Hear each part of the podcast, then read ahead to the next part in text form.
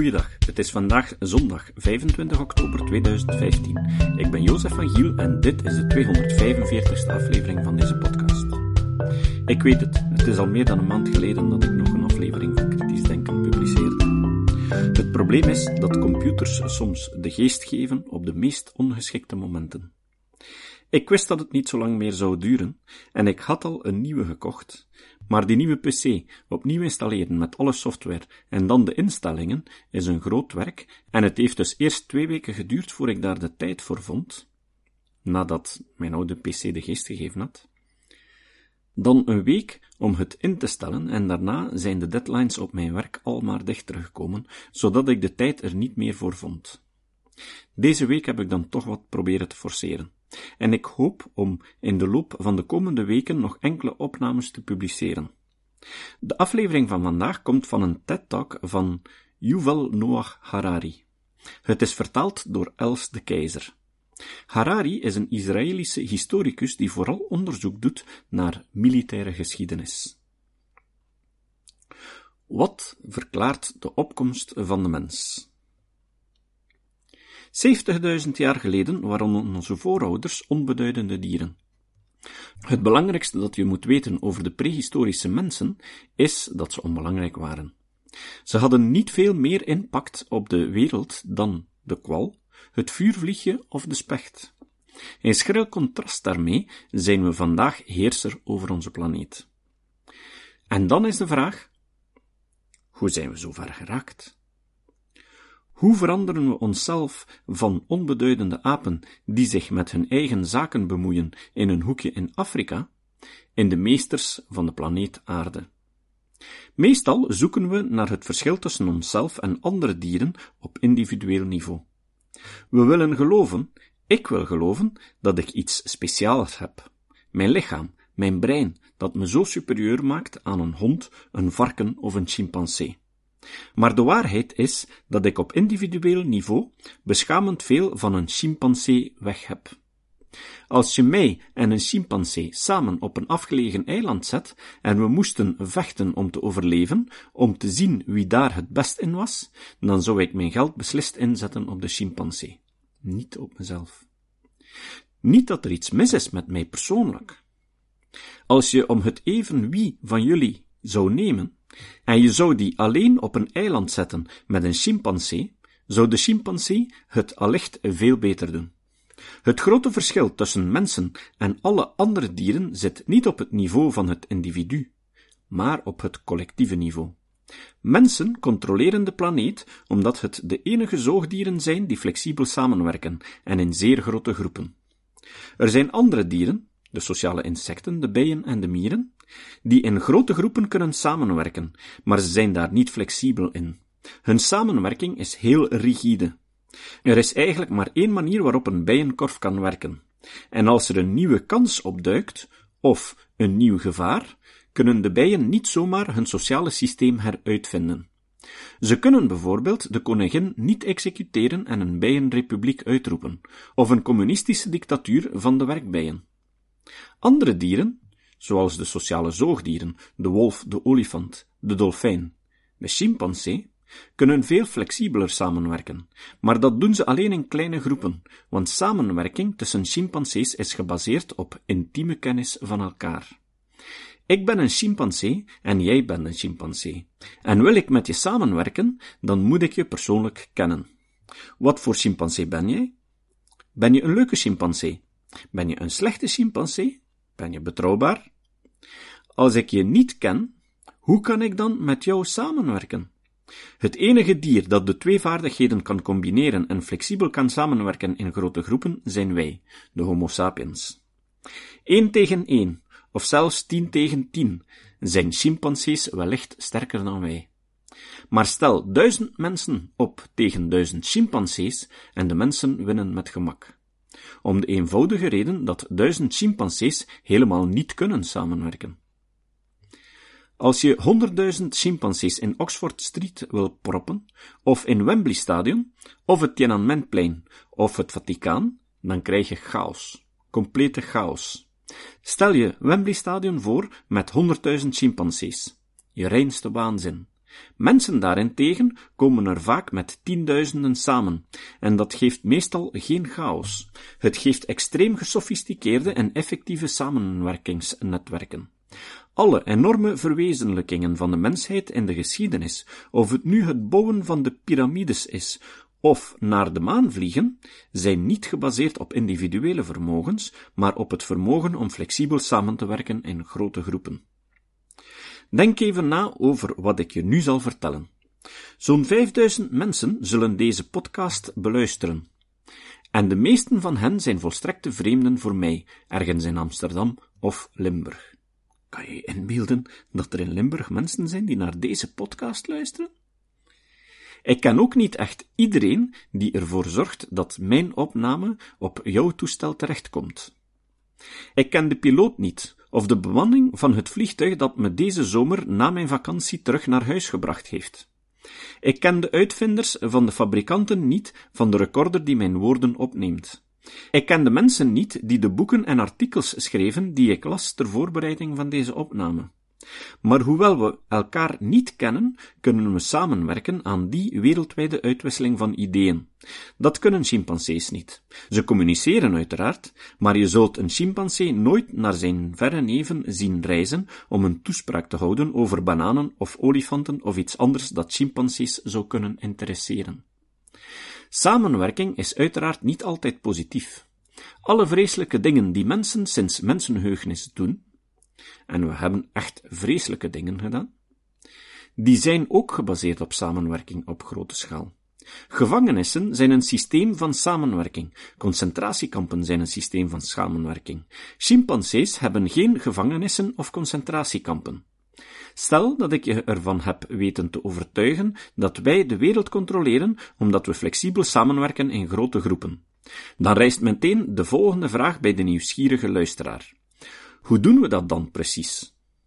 Hoe komt het dat wij alleen, van alle dieren, zo samenwerken? Het antwoord ligt in onze verbeelding. We kunnen flexibel samenwerken met een oneindig aantal vreemdelingen, omdat wij als enigen van alle dieren op de planeet fictie kunnen creëren en erin geloven. Fictieve verhalen. Zolang iedereen gelooft in dezelfde fictie, gehoorzaamt iedereen aan dezelfde regels en volgen ze dezelfde regels en dezelfde waarden. Alle andere dieren gebruiken hun communicatiesysteem alleen om de realiteit te beschrijven. Een chimpansee kan zeggen: Kijk, daar is een leeuw, laten we wegrennen. Of: Kijk, daar is een bananenboom, laten we bananen gaan eten.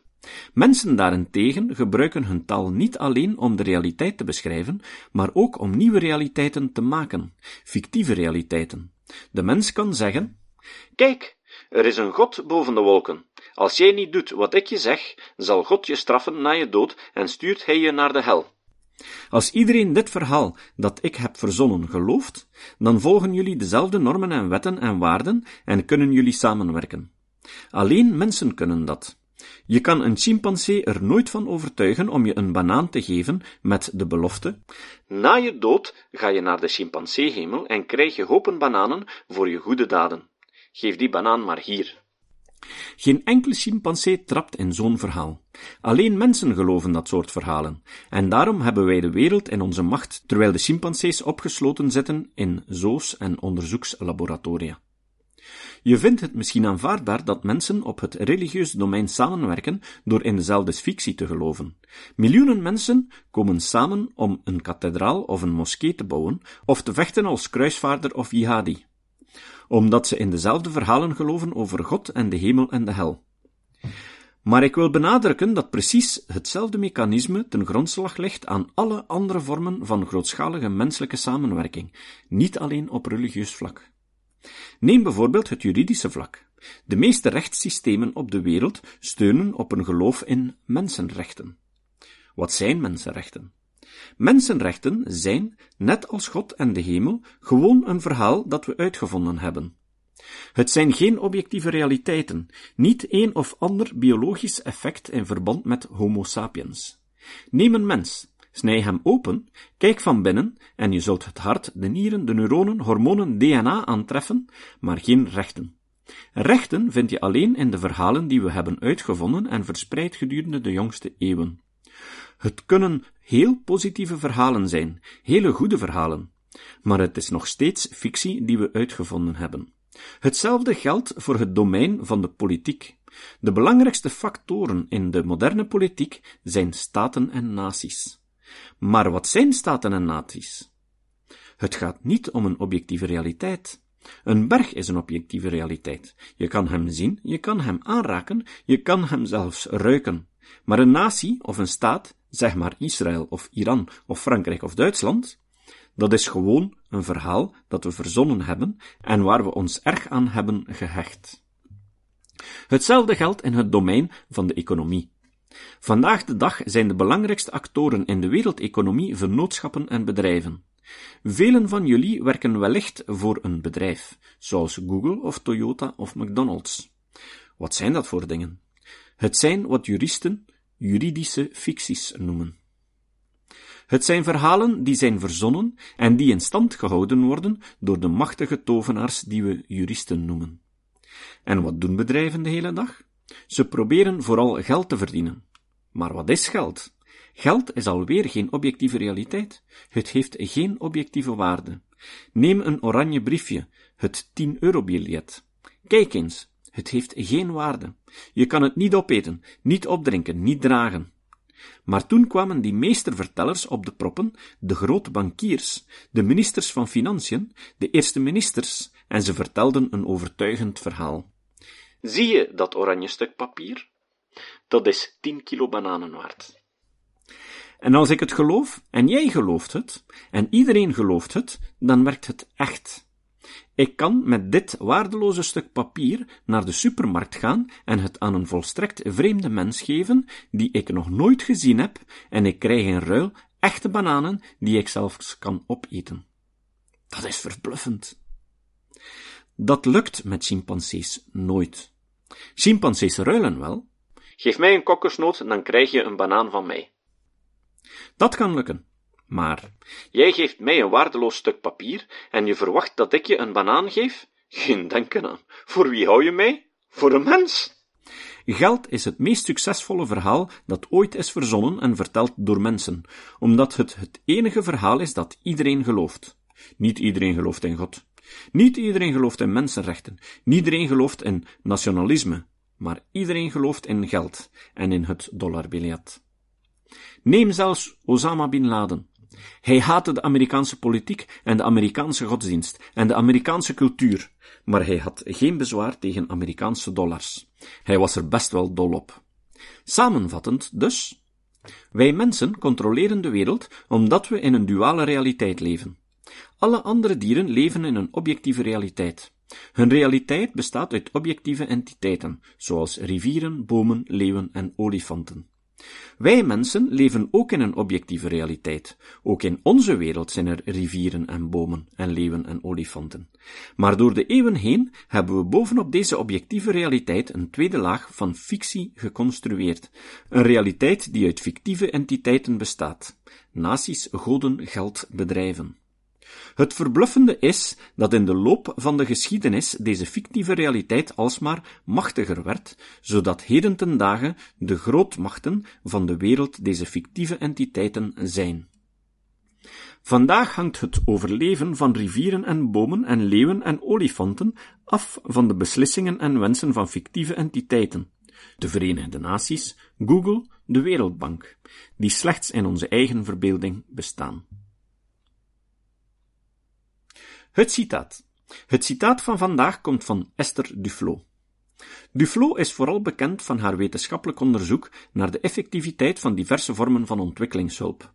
Ze staat aan de wieg van evidence-based poverty eradication, of op wetenschappelijk verantwoorde wijze methoden zoeken om armoede effectief en duurzaam te verminderen. Ik vind haar citaat ook interessant omdat het vrij breed toepasbaar is. Het gebruik van kleine stappen om een grote verandering te bereiken is de basis van Kaizen, een uit Japan afkomstige techniek om bedrijven beter te doen functioneren. Therese Amabile toonde ook empirisch aan dat dit principe van kleine stapjes werkt en zeer motiverend is voor de mensen. Duflo zei, Het is mogelijk om significante vooruitgang te boeken tegen de grootste problemen in de wereld door een opstapeling van vele kleine stappen.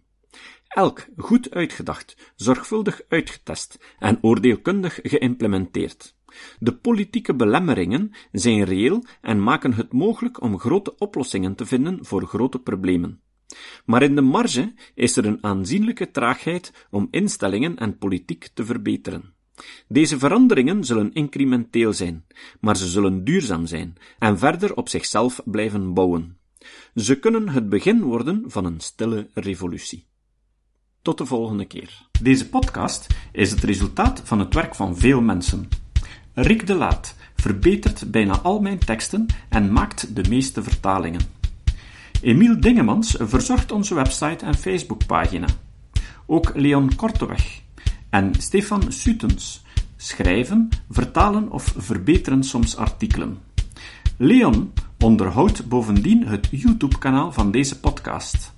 De muziek van de intro en de trailer heeft Nick Lucassen geschreven, en soms maken we ook gebruik van muziek van Ad van Nederpelt, die ons zijn prachtige composities ter beschikking stelt. Dit was de podcast Kritisch Denken. Vergeet niet om alles kritisch te behandelen, ook deze podcast. Voor verdere informatie over deze podcast, links en voor de tekst, surf naar www.kritischdenken.info. Als je deze podcast belangrijk vindt, kun je me steunen door anderen warm te maken ook eens te luisteren. Stuur een e-mail naar vrienden met een link naar de website en plaats de link in de handtekening van je e-mails. Tevens kun je op iTunes deze podcast een beoordeling geven of een recensie schrijven. Of je kan op je eigen website of blog een link naar kritisch denken plaatsen.